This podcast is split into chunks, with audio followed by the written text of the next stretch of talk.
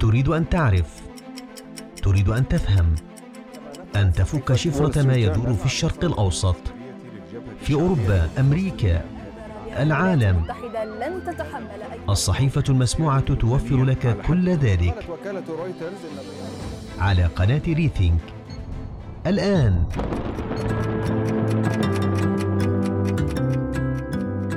تحية لكم من الصحيفة المسموعة. معكم نوزا الصواش في حلقة اليوم تستمعون إلى مجموعة من أفضل مقالات الرأي المنشورة في الصحافة العربية والعالمية والتي تساعدكم على فهم ما يدور في العالم من أحداث وتطورات بعمق ووضوح. ولكن قبل أن نبدأ مع حكومة مصطفى الكاظمي يفتح العراق صفحة جديدة تختلط فيها مشاعر التفاؤل والقلق. فهل تحقق الحكومة الجديدة الاستقرار الذي فقده العراق منذ أمد طويل؟ وما هي التحديات التي تنتظرها؟ هل إيران هي سبب المشاكل في المنطقة؟ وإذا ما تخلت إيران عن مشروعها التوسعي هل يعود الهدوء والسلام إلى الشرق الأوسط؟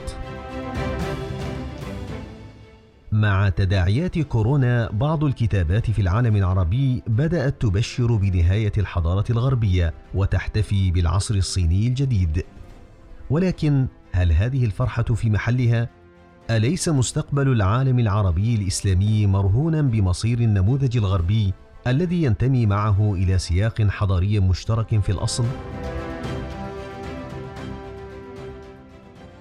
ما الذي يصوغ سلوكنا السياسي في العالم العربي؟ أهو العقل المدعوم بالقيم الديمقراطية أم أهواؤنا وأمزجتنا المشحونة بالحقد والكراهية وتصفية الحسابات الأيديولوجية؟ هذه وأمثالها من التساؤلات تجدون إجابات لها في المقالات التي سنقرأها عليكم اليوم. فلنبدأ المشوار.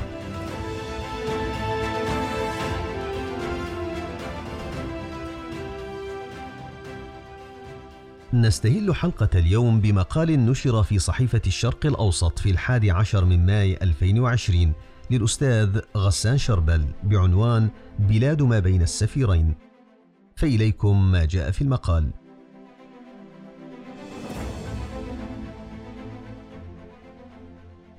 يعرف مصطفى الكاظمي أن رئاسة الوزراء جاءته في توقيت حساس.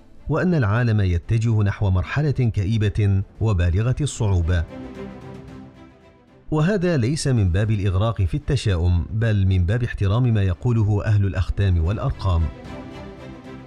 مرحلة كئيبة لأننا نسمع دعوات متزايدة إلى التعايش مع الوباء لا بد خلالها من خسارات بشرية جديدة. انتظار مؤلم لخبر العثور على دواء أو لقاح. وبانتظار ذلك الخبر ستشيع جنازات جديدة هنا وهناك وسيزداد شعور العالم بهشاشته وهو أمر فظيع فعلا أن ينجح وباء غامض في تذكير عالم الترسانات والمركبات الفضائية والروبوتات بهشاشته وبقدرة وحش مجهول على تحويل العالم الرحب معتقلا شاسعا وفخا مقلقا. لا يحتاج الكاظمي إلى من يذكره بويلات نظام صدام حسين فهو لم يستطع احتمال العيش في ظله ولهذا غادر وراح يحصي ارتكابات النظام. وحين عاد بعد سقوط نظام صدام انهمك الكاظمي في توثيق جرائم النظام السابق. وقام بمهمته هذه بصفته مواطنا يحلم بعراق آخر وبصفته إعلاميا من حقه تسجيل المرحلة. لكن الكلام عن ارتكابات عهد صدام صار قديما وإن كان صحيحا. يعرف الكاظمي ما هو أقرب وأخطر. يعرف ما جرى بعد اقتلاع نظام صدام وتضاعفت التقارير على مكتبه حين اختير قبل أربعة أعوام رئيسا للاستخبارات في البلاد.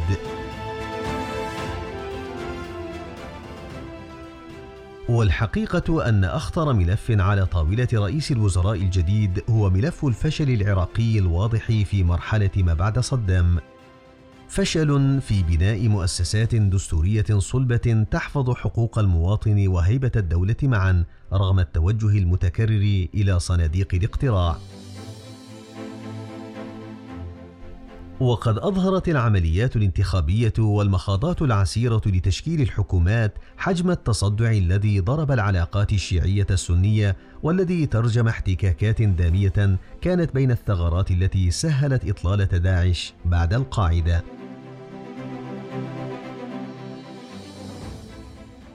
والحقيقة أن معظم القوى السياسية لم تنخرط في معركة بناء الدولة وفضلت الانخراط في معركة تقاسمها واستباحة مواردها. كانت فكرة الدولة اللاعب الأضعف في كل اختبارات القوة. ويعرف الكاظمي أن الشرعية التي حازتها الميليشيات بفعل مشاركتها في محاربة داعش تحولت عبئا قاتلا بسبب الإصرار على إحلال منطق الفصائل والتلويح بالقوة مكان منطق المؤسسات ودولة القانون. كما يعرف أن العراق تعرض لعملية نهب غير مسبوقة جعلت دولة تنام على النفط تخشى من عدم قدرتها على تسديد رواتب المتقاعدين. والحقيقة أن حزب الفساد كان أكبر الأحزاب العراقية بعد سقوط صدام، وهو حزب عابر للطوائف والمذاهب والقوميات. يعرف الكاظمي أن مرحلة ما بعد صدام هي مرحلة تبادل الضربات على الملعب العراقي بين أمريكا وإيران، خصوصا بعد انسحاب القوات الأمريكية. ومن رافق ما عاشته بغداد في السنوات الماضية يدرك تماما أن إيران انتزعت لنفسها ما يشبه حق إدارة الشأن العراقي مع أخذ الممانعة الأمريكية في الاعتبار. ومن يعرف قصة ولادة الحكومات في بغداد يعرف أنها حملت دائما لمسة قاسم سليماني بعد فصول من التجاذب الإيراني الأمريكي. كان سليماني يلعب دورا يكاد يقترب من دور مرشد مرحلة ما بعد صدام.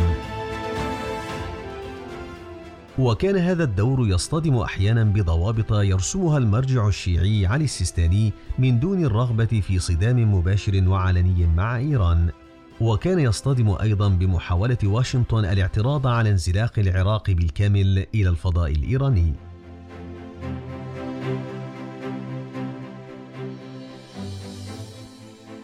جاءت الانتفاضة العراقية أشبه بصرخة احتجاج على فشل الحكومات المتعاقبة في مواجهة وحش الفساد، وكذلك على فشل هذه الحكومات في ترميم العلاقات بين المكونات في رحاب دولة يصنع قرارها الوطني داخل مؤسساتها الشرعية. وأظهرت الانتفاضة أيضا أن العراقيين تعبوا من تكريس بلادهم ملعبا لاختبارات القوة الأمريكية الإيرانية ومن تبادل الرسائل الصاخبة على هذا الملعب خصوصا بعدما انسحبت أمريكا ترامب من الاتفاق النووي وأعادت فرض أقصى العقوبات.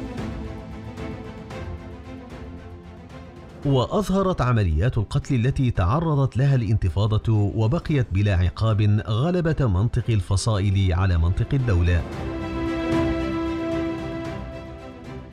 كانت استقالة رئيس الوزراء عادل عبد المهدي في بداية ديسمبر الماضي دليلا إضافيا على تردي الوضع الداخلي سياسيا واقتصاديا واجتماعيا ودليلا جديدا على تصاعد التجاذب الأمريكي الإيراني. وبلغ هذا التجاذب ذروته حين اتخذ ترامب قرارا تفاداه أسلافه أسفر عن مقتل قائد فيلق القدس الجنرال قاسم سليماني وهو الأقرب إلى قلب خمنئي وعقله.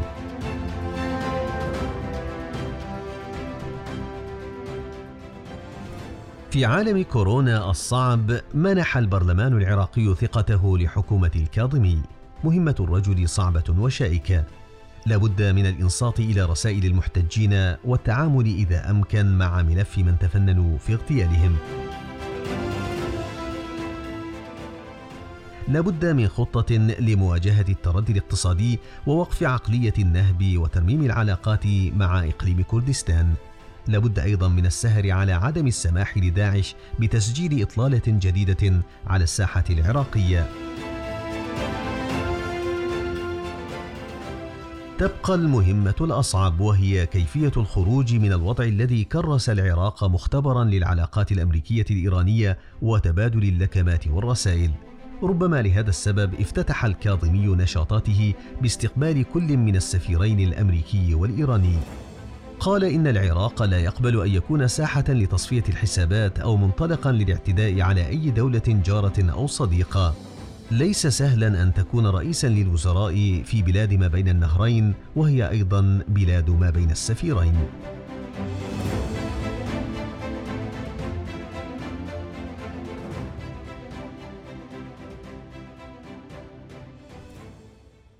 تستمر الصحيفة المسموعة بمقال آخر من صحيفة الشرق الأوسط نشر في الرابع عشر من ماي 2020 للأستاذ عبد الرحمن الراشد بعنوان الكاظمي هل ينقذ العراق؟ فإليكم ما جاء في المقال إشارات من بغداد توحي بالتغيير فقد أزيلت جدارية عملاقة للجنرال الإيراني قاسم سليماني كانت معلقة في محيط المطار وبالقرب من المكان الذي قتل فيه. وقوة أمنية أغارت على مقر حزب ثأر الله في البصرة الذي كان يهدد المتظاهرين والأمريكيين ويجاهر بولائه لإيران. الجديد في العراق هو مصطفى الكاظمي رئيس الوزراء الذي فاز بأغلبية الأصوات البرلمانية. غالبية الفرقاء العراقيين والقوى الإقليمية وكذلك الولايات المتحدة وروسيا يجمعون هذه المرة على أن في بغداد قيادة يمكن التعامل معها. ويترافق صعود الكاظمي في الساحة السياسية العراقية مع بدء العد التنازلي للانتخابات الأمريكية التي ستؤثر نتائجها بشكل حاسم على إيران وعلاقات المنطقة معها ومن ضمنها منطقة الخليج. أصعب مهام الكاظمي أن ينقذ العراق من إيران التي تريد السيطرة عليها وأن يدفع ببلاده بعيدا عن أخطار الصراع الأمريكي الإيراني الذي وصل إلى مرحلة خطيرة بعدما كشف الأمريكيون عن عزم إيران إحداث فوضى أمنية سياسية في بغداد تتبعه سريعا تصفية أبرز قادة إيران العسكريين قاسم سليماني وأتباعه من قادة ميليشياته وتلاه التصعيد ضد الوجود الأمريكي العسكري في العراق. هذه كانت أعلى مرحلة صدام على التراب العراقي. بعد انتخاب الكاظمي برلمانيا ليكون رئيسا للوزراء أعلنت الحكومة الأمريكية موافقتها على السماح للعراق استثناء بأن يشتري البترول من إيران لتغطية حاجاته من الطاقة. وهو في الحقيقة إغراء للإيرانيين مقابل تحجيم نشاطات الفوضى في العراق.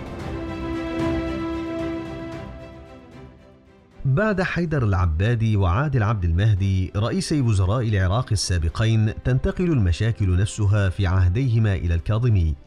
فإيران متغلغلة في مفاصل البلاد ومؤسساتها الأمنية والعسكرية والدينية والتصدعات الطائفية والمناطقية والفساد والعجز المالي الحكومي الذي تضاعف مع انهيار أسعار النفط والاحتجاجات التي تهدد بالعودة على نطاق واسع.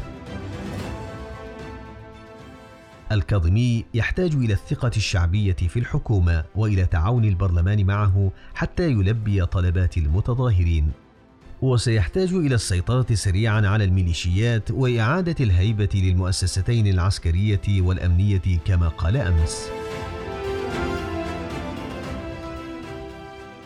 قائمة توقعات العراقيين طويلة وما تنتظره دول المنطقة والقوى الدولية منه أيضا لا يقل صعوبة. إنما الذي يجعل الكاظمي في وضع أفضل أنه جاء دون خلافات مسبقة وعلاقاته مع الجميع بمن فيها الأطراف المتحاربة أيضا جيدة. هذه تؤهله لأن يتحرك إلى الأمام في الأشهر القليلة المقبلة مستفيدا من علاقاته واستعداد الأغلبية للتعاون معه من أجل إخراج العراق من المأزق الذي يصارع للخروج منه منذ سنوات. وتشافي العراق وتأهيله هو في صالح الجميع ويعطي أملا في تعافي بقية منطقة الشرق الأوسط التي تمر باضطرابات لم تشهد مثلها منذ عقود. إطفاء أزمات العراق سيساعد المنطقة على الخروج من عالم الفوضى أخيرا.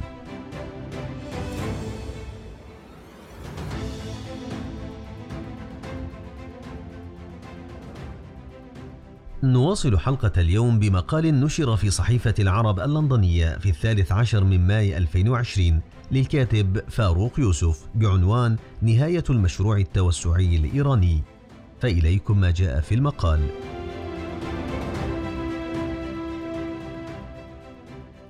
إيران اليوم هي في أسوأ أحوالها. لا ينفي ذلك قيامها بإطلاق قمر صناعي أو تطوير صواريخها البالستية فهي لا تفعل شيئا سوى ذلك دولة حرب أوقعها نظامها السياسي في شبكة معقدة من الأوهام التي خلقت من خلالها أعداء وهميين لا لشيء إلا من أجل أن يتخلى ذلك النظام عن مسؤولياته إزاء الاحتياجات الإنسانية للشعوب الإيرانية التي ابتليت به.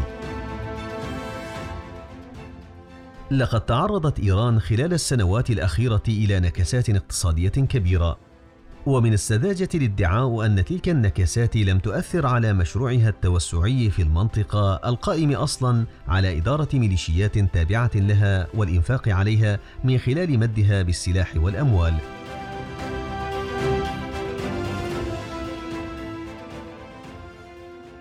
فمهما بولغ في حجم الرصيد المالي المضمون فإن ذلك الرصيد قد تعرض للاندثار بفعل العقوبات الأمريكية التي أدت إلى انخفاض صادرات النفط الإيراني إلى أقل من النصف ناهيك عن انهيار أسعار النفط وتداعيات فيروس كورونا.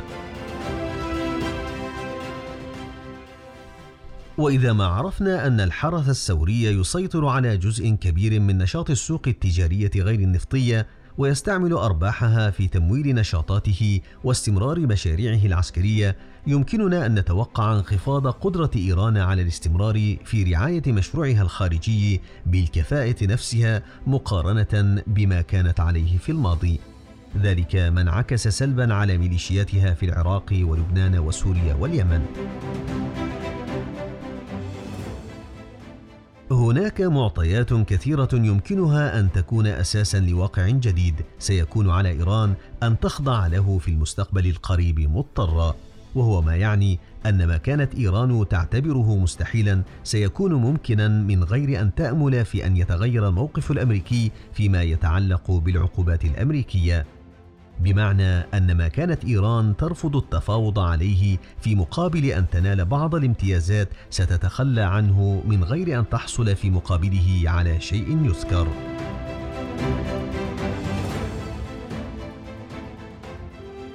في سوريا بدا الانقلاب الروسي واضحا في ظل تمدد أمريكي على الأراضي التي كانت قد اعتبرت من حصة الميليشيات الإيرانية. ناهيك عن أن الضربات الإسرائيلية لمواقع تلك الميليشيات لم تتوقف من غير أن تكون هناك إمكانية على الرد. في العراق استسلمت الأحزاب التابعة لإيران والمهيمنة على الدولة لاختيار تسليم السلطة التنفيذية لرجل ليس من صنعها ولم يعرف بولائه لإيران وليس له أي ارتباط بالكتل السياسية المهيمنة على العملية السياسية. أما في لبنان فقد انسحب حزب الله عن خطوط المواجهة الأولى فيما يتعلق بالأزمة المالية بعد أن صار واضحا أنه لا يستطيع أن يجنب نفسه فشلا ذريعا في ظل عقوبات اقتصادية فرضت عليه من جهات دولية عديدة. وبالنسبة للحوثيين فإن غموض أحوالهم لن يستمر طويلا ستكون عودتهم إلى طلب التفاوض قريبا بعد أن توقف الإمداد الإيراني وإذا ما بقي الحال على ما هو عليه فإن أزمات المنطقة كلها ستحل بطريقة هادئة.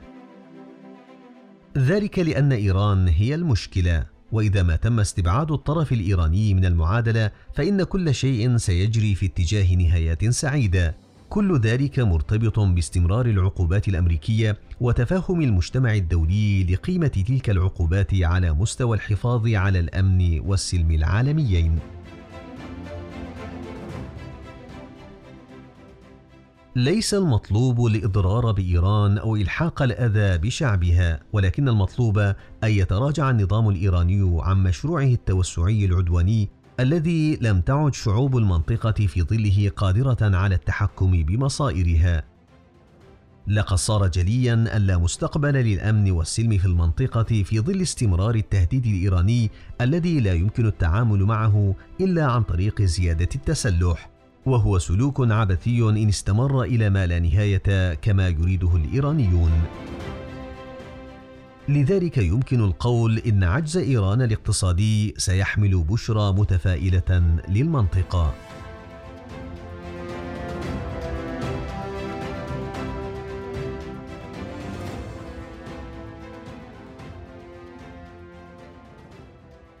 يأتيكم المقال الرابع من صحيفة الاتحاد الإماراتية. وقد نشر في الثالث عشر من ماي 2020 للدكتور السيد ولدباه بعنوان العرب وأزمات الغرب.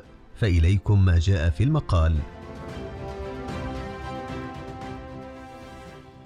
في مقال بعنوان سقوط الغرب في صحيفة لوفيغارو 6 ماي 2020 ذهب المفكر السياسي الفرنسي نيكولا بيفريز إلى أن أزمة كورونا الراهنة كشفت عن مظاهر التأزم العميقة التي يعرفها الغرب حاليا بعد قرون أربعة من الهيمنة على العالم.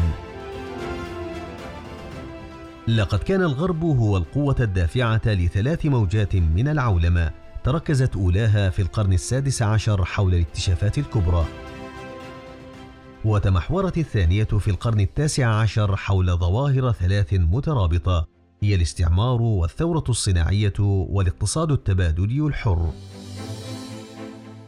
أما الموجة الثالثة فهي التي برزت في نهاية القرن العشرين بعد انهيار المعسكر السوفيتي وتركزت حول توسع المنظومة الرأسمالية والدخول في العصر الرقمي.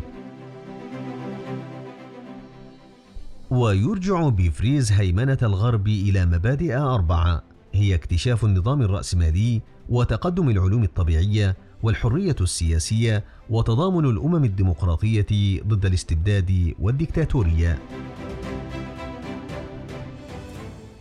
وبدلا من أن تؤدي الموجة الثالثة من العولمة إلى تدعيم تفوق وهيمنة الغرب يرى بيفريز أنها أدت إلى انتكاسته بل سقوطه متوقفا عند بعض الظواهر المقلقة مثل تراجع الفاعلية الإنتاجية للدول الصناعية الغربية الكبرى من نسبة 45% من الإنتاج العالمي إلى نسبة 30% وتعدد مراكز القوة الجيوسياسية في العالم وتفكك أطر التحالف التقليدية بين الديمقراطيات الغربية وتراجع المكاسب الديمقراطية بانهيار السلط المضادة وطغيان النزعات الشعبوية غير الليبرالية.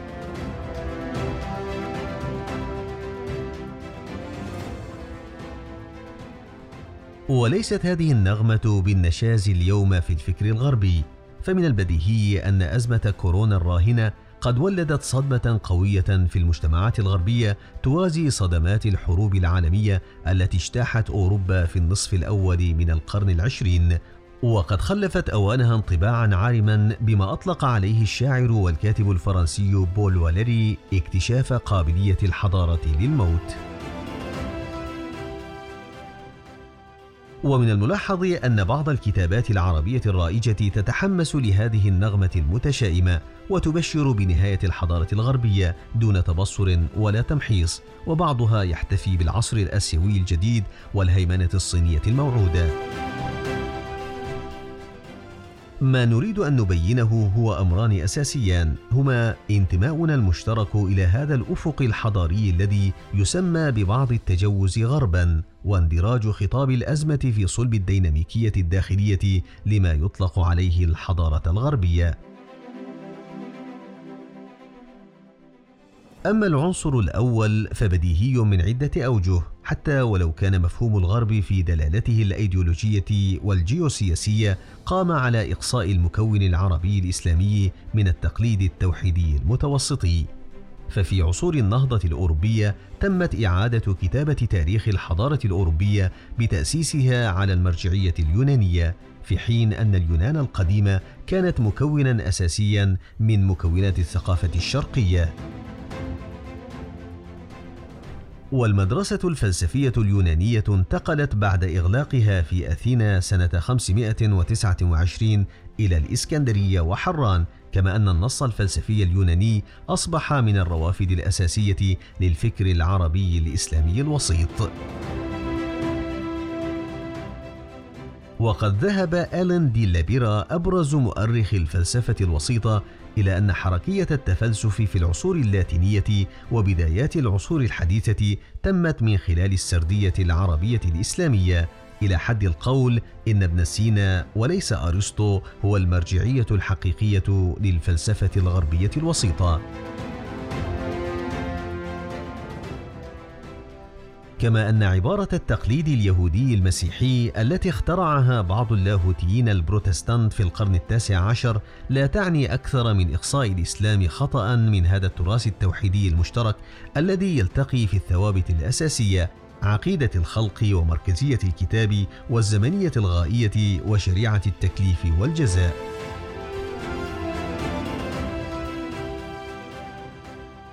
وإذا كان بعض المفكرين العرب مالوا لأسباب أيديولوجية معروفة إلى الحديث عن وحدة الشرق والعقلية الشرقية المشتركة في مقابل الغرب من مالك بن نبي إلى أنور عبد الملك وعادل حسين فإن الحقيقة الموضوعية هي انتماء الثقافة العربية الإسلامية إلى السياق الحضاري المشترك مع الغرب.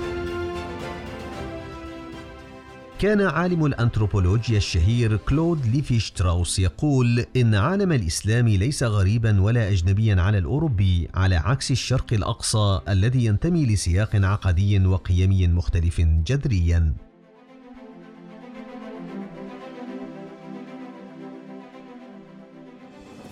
بقي القول إن خطاب الأزمة السائده اليوم في الأدبيات الغربية يعكس إحدى الميزات الأساسية في ديناميكية الفكر الغربي الحديث بحيث يمكن أن نؤكد أن المسلك النقدي للحداثة واكب الحداثة نفسها منذ مراحل تشكلها الأولى.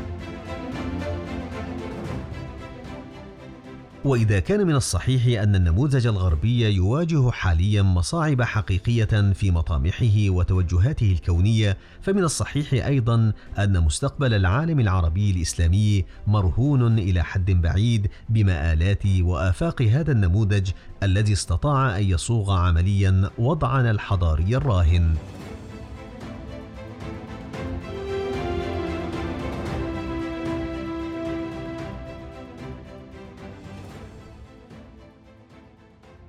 ونختم حلقة اليوم بمقال نشر في صحيفة التونسيون في الخامس عشر من ماي 2020 للدكتور خالد شوكات بعنوان حياة سياسية محكومة بالأمزجة والأهواء والأحقاد. فإليكم ما جاء في المقال.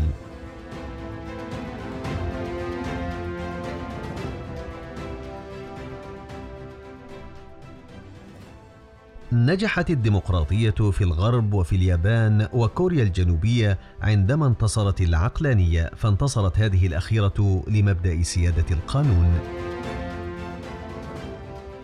حتى الأخلاق التي تضبط سلوك المواطنين مصدرها العقل، فغالبية هذه المجتمعات ليست علمانية فقط بل لا دينية أيضا، فقرابة 70% من الهولنديين مثلا لا يؤمنون بالله والثلاثون بالمئة الباقية يدينون بكل حرية بجميع الأديان الموجودة على كوكب الأرض سماوية وإنسانية. ومع ذلك أخلاقهم العامة مثيرة للانتباه جديرة بالاحترام.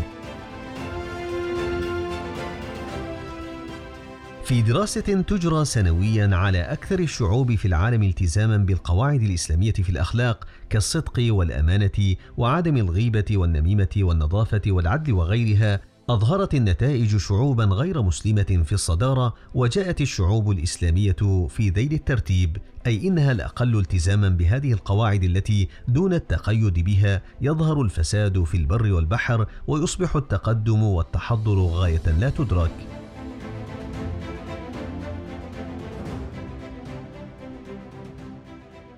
عشت في الغرب قرابة عشرين عاما ولم أكن يوما مبهورا بالجانب المادي في الحضارة الغربية بل انبهرت بالجانب المعنوي والأخلاقي السائد.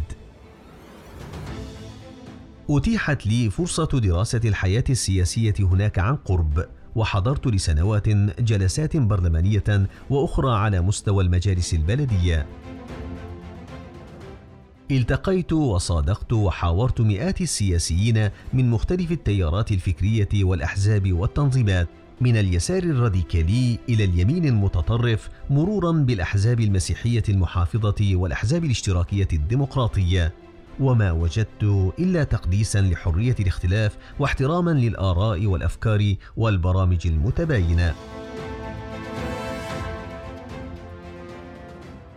لم ألحظ يوما شخصنة أو تجريحا أو استهزاء أو خوضا في الأعراض الخاصة. الفضاء السياسي نظيف مما يجرح الأذن كالفضاء العام أي الشوارع والساحات العامة. فالحرص على نظافة الشارع يصاحبه حرص على نظافة اللسان والفكر والسلوك وإيمان بأن الوطن يسع الجميع. نحن نتحدث كثيرا عن الوطنية والوطن خلافا للغربيين ولكننا لا نتورع عن توسيخ شوارعنا بإلقاء القاذورات أينما جاء. ونتحدث كثيرا عن الديمقراطية ولكننا لا نتورع عن إلقاء القاذورات اللفظية في وجوه بعضنا صباحا ومساء حتى في هذا الشهر المقدس الذي يفترض أن تصوم فيه ألسنتنا عن الكلام المشين لا نجد غضاضة في مواصلة الاستجابة لطباعنا غير السوية والاستسلام لأهوائنا في النيل من حرمات الآخرين. هل يصوغ العقل سلوكنا السياسي أم أهواؤنا وأمزجتنا وانطباعاتنا الموغلة في الشخصنة والأحقاد الذاتية وتصفية الحسابات الأيديولوجية الضيقة التي تعود في جذورها إلى عقود خلت هي التي تفعل ذلك؟ لماذا لا نمنح الآخرين نفس الحقوق التي نمنحها لأنفسنا فنعامل الآخرين مهما كانوا مختلفين عنا بالأدب والاحترام الذي نود من الآخرين أن يعاملون به؟ كيف يمكن أن نتقدم ونتحضر إذا لم نحترم المؤسسات المنتخبة التي يطالب بعضنا بحلها لمجرد أننا لسنا فيها أو لأن فلانا أو علانا ممن يشغل بعض مقاعدنا لا يعجبنا أو يختلف معنا في الفكر والموقف والرأي؟ وإذا ما استسلمنا لهذا المنطق الفوضوي فهل سيكون بمقدورنا إقامة نظام له مؤسسات وقواعد قانونية ثابتة تسيرنا.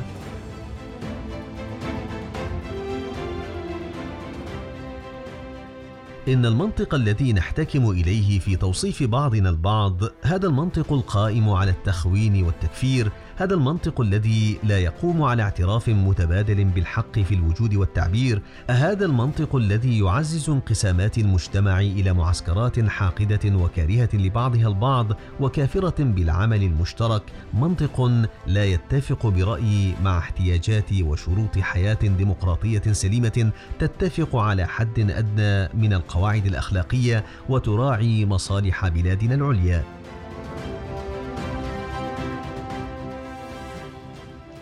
المسألة الأخلاقية ليست مسألة هامشية ومجموعة القيم والمبادئ التي قمنا بدسترة الكثير منها لا يجب أن تظل مجرد حبر على ورق. تتحمل النخب السياسية والإعلامية والثقافية قدرا كبيرا من المسؤولية في هذا المجال، وعليها أن تكون قدوة في الالتزام بها من منطلق إيمان عميق بأننا دون ذلك سنقود وطننا وبلادنا نحو الهلاك. مصداقا لقول أمير الشعراء أحمد شوقي إنما الأمم الأخلاق ما بقيت فإن هم ذهبت أخلاقهم ذهبوا.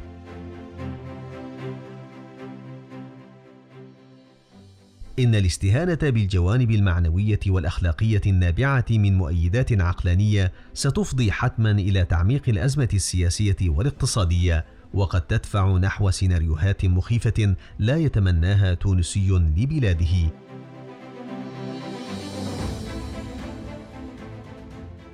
ولهذا علينا جميعا أن نقرع أجراس الحكمة وأن نعود بالفضاء العام إلى الجاده وأن نكف عن خوض هذه المعارك التي سيكون الرابح فيها خاسرا وأن نجعل الحكم في الحياة السياسية الموضوعية والمصلحة العامة والأخلاق الإنسانية الرفيعة.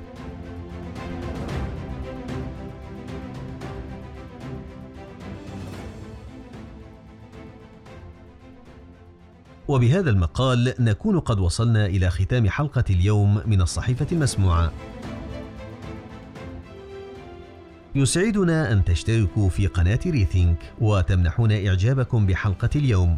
وكذلك أن تشاركوا مقالاتنا المسموعة عبر شبكات التواصل الاجتماعية مع أصدقائكم.